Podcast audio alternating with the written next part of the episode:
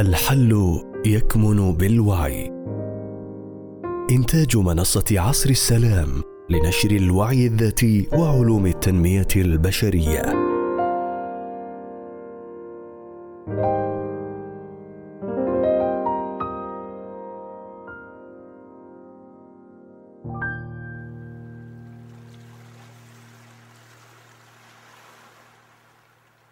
لعلاقات متزنة.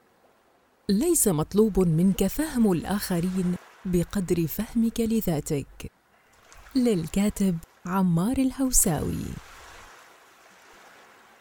يسعى البعض لعيش علاقات متزنة في حياته لكن قد يفقد بعض التفاصيل التي تضعه في علاقات مضطربة أو تسلبه الاتزان بعد أن كان موجودا. النسخ الموجودة في العلاقات. كل التعاملات التي تجدها في علاقاتك حاليا وتلمس شيئا ما بداخلك هي تمثلك وتمثل ما يوجد بداخلك. كل من دخل إلى حياتك دخلها لأنك تحمل نسخة تتوافق معه ذبذبيا. يمكن التعبير عنها بأنها النسخة الأكثر اتصالا مع نسخة موجودة في الآخر. ولتوضيح مسألة النسخ أكثر ألا تلاحظ أحيانا أن معاملة مديرك لك تختلف عن معاملة بقية الموظفين؟ يعاملك بلطف واحترام ومحبة أكثر من البقية. ليس محاباة لك بقدر أن بداخلك نسخة اتصلت بنسخته هذه والتي لم تتواجد في البقية. ربما قد حذرك أحدهم من شخص لكنك حين قابلته وجدته مختلفا معك وتساءلت هل يعقل أن يكون هذا الشخص هو نفسه الذي تم وصفه لي؟ نسخك هي بمثابة بوابات يدخل من خلالها الآخرين إليك بناء على عيشك لها وتفعيلها في حياتك. لاحظ أنك تحصل على علاقاتك بناء على نسخك التي فعلتها كالنسخة التي تعمل برسالتها مثلا. أو النسخة التي تقدر جمال الآخرين وتبتهج من أجلهم.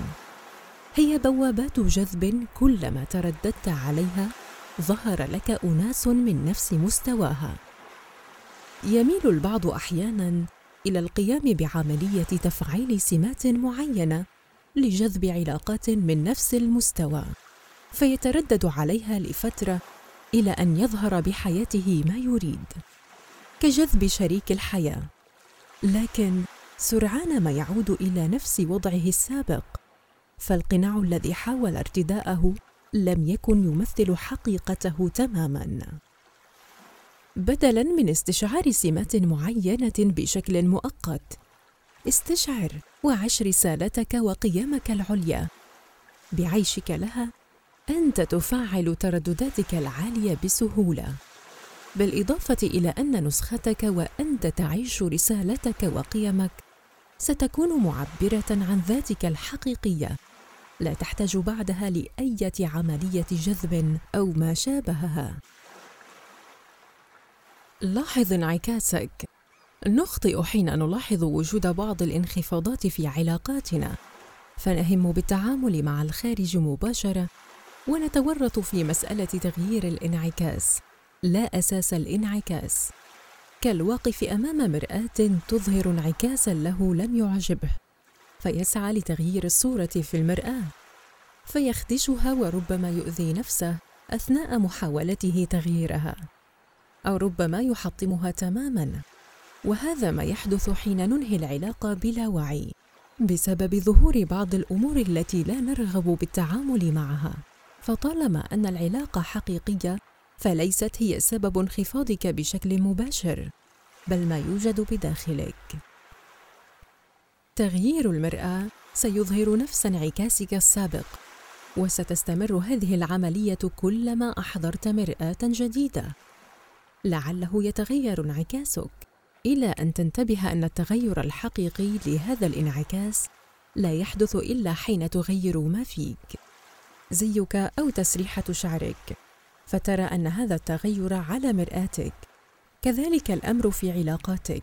لا تتورط في التنقل من علاقة لأخرى وأنت لم تفحص ما بداخلك من مشاعر وأفكار. ستكرر معها نفس الأحداث وستمر خلالها بنفس الظروف إلى أن تعي. رسائل العلاقات. إذا كنت تركض محاولا فهم رسائل تواجد كل شخص في حياتك فقد ترهق نفسك وتعطل مسألة نموك الروحي. ليس عليك أن تفهم كل شيء. يكفي أن تتعامل مع ما بداخلك من مشاعر وأفكار وتحسمها وبحسمها أنت تحسم المجال الذبذبي الذي وضعك على تردد هذه العلاقات.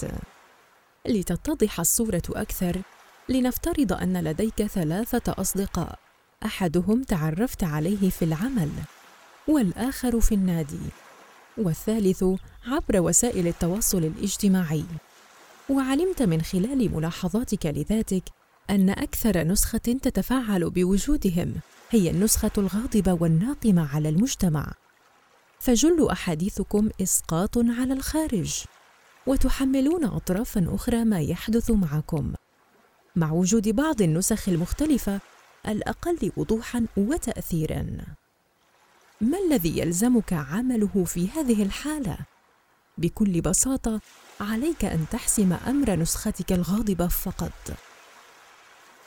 شعورك الموجه نحو الخارج ومعتقداتك التي تبنيتها بدون وعي حررها. فيتحرر المجال الذبذبي الذي وضعك في علاقات من هذا المستوى. ربما كنت فعلا تحب الذهاب للنادي لكن بسبب ترددك على مجال منخفض ظهرت لك علاقات من نفس المستوى.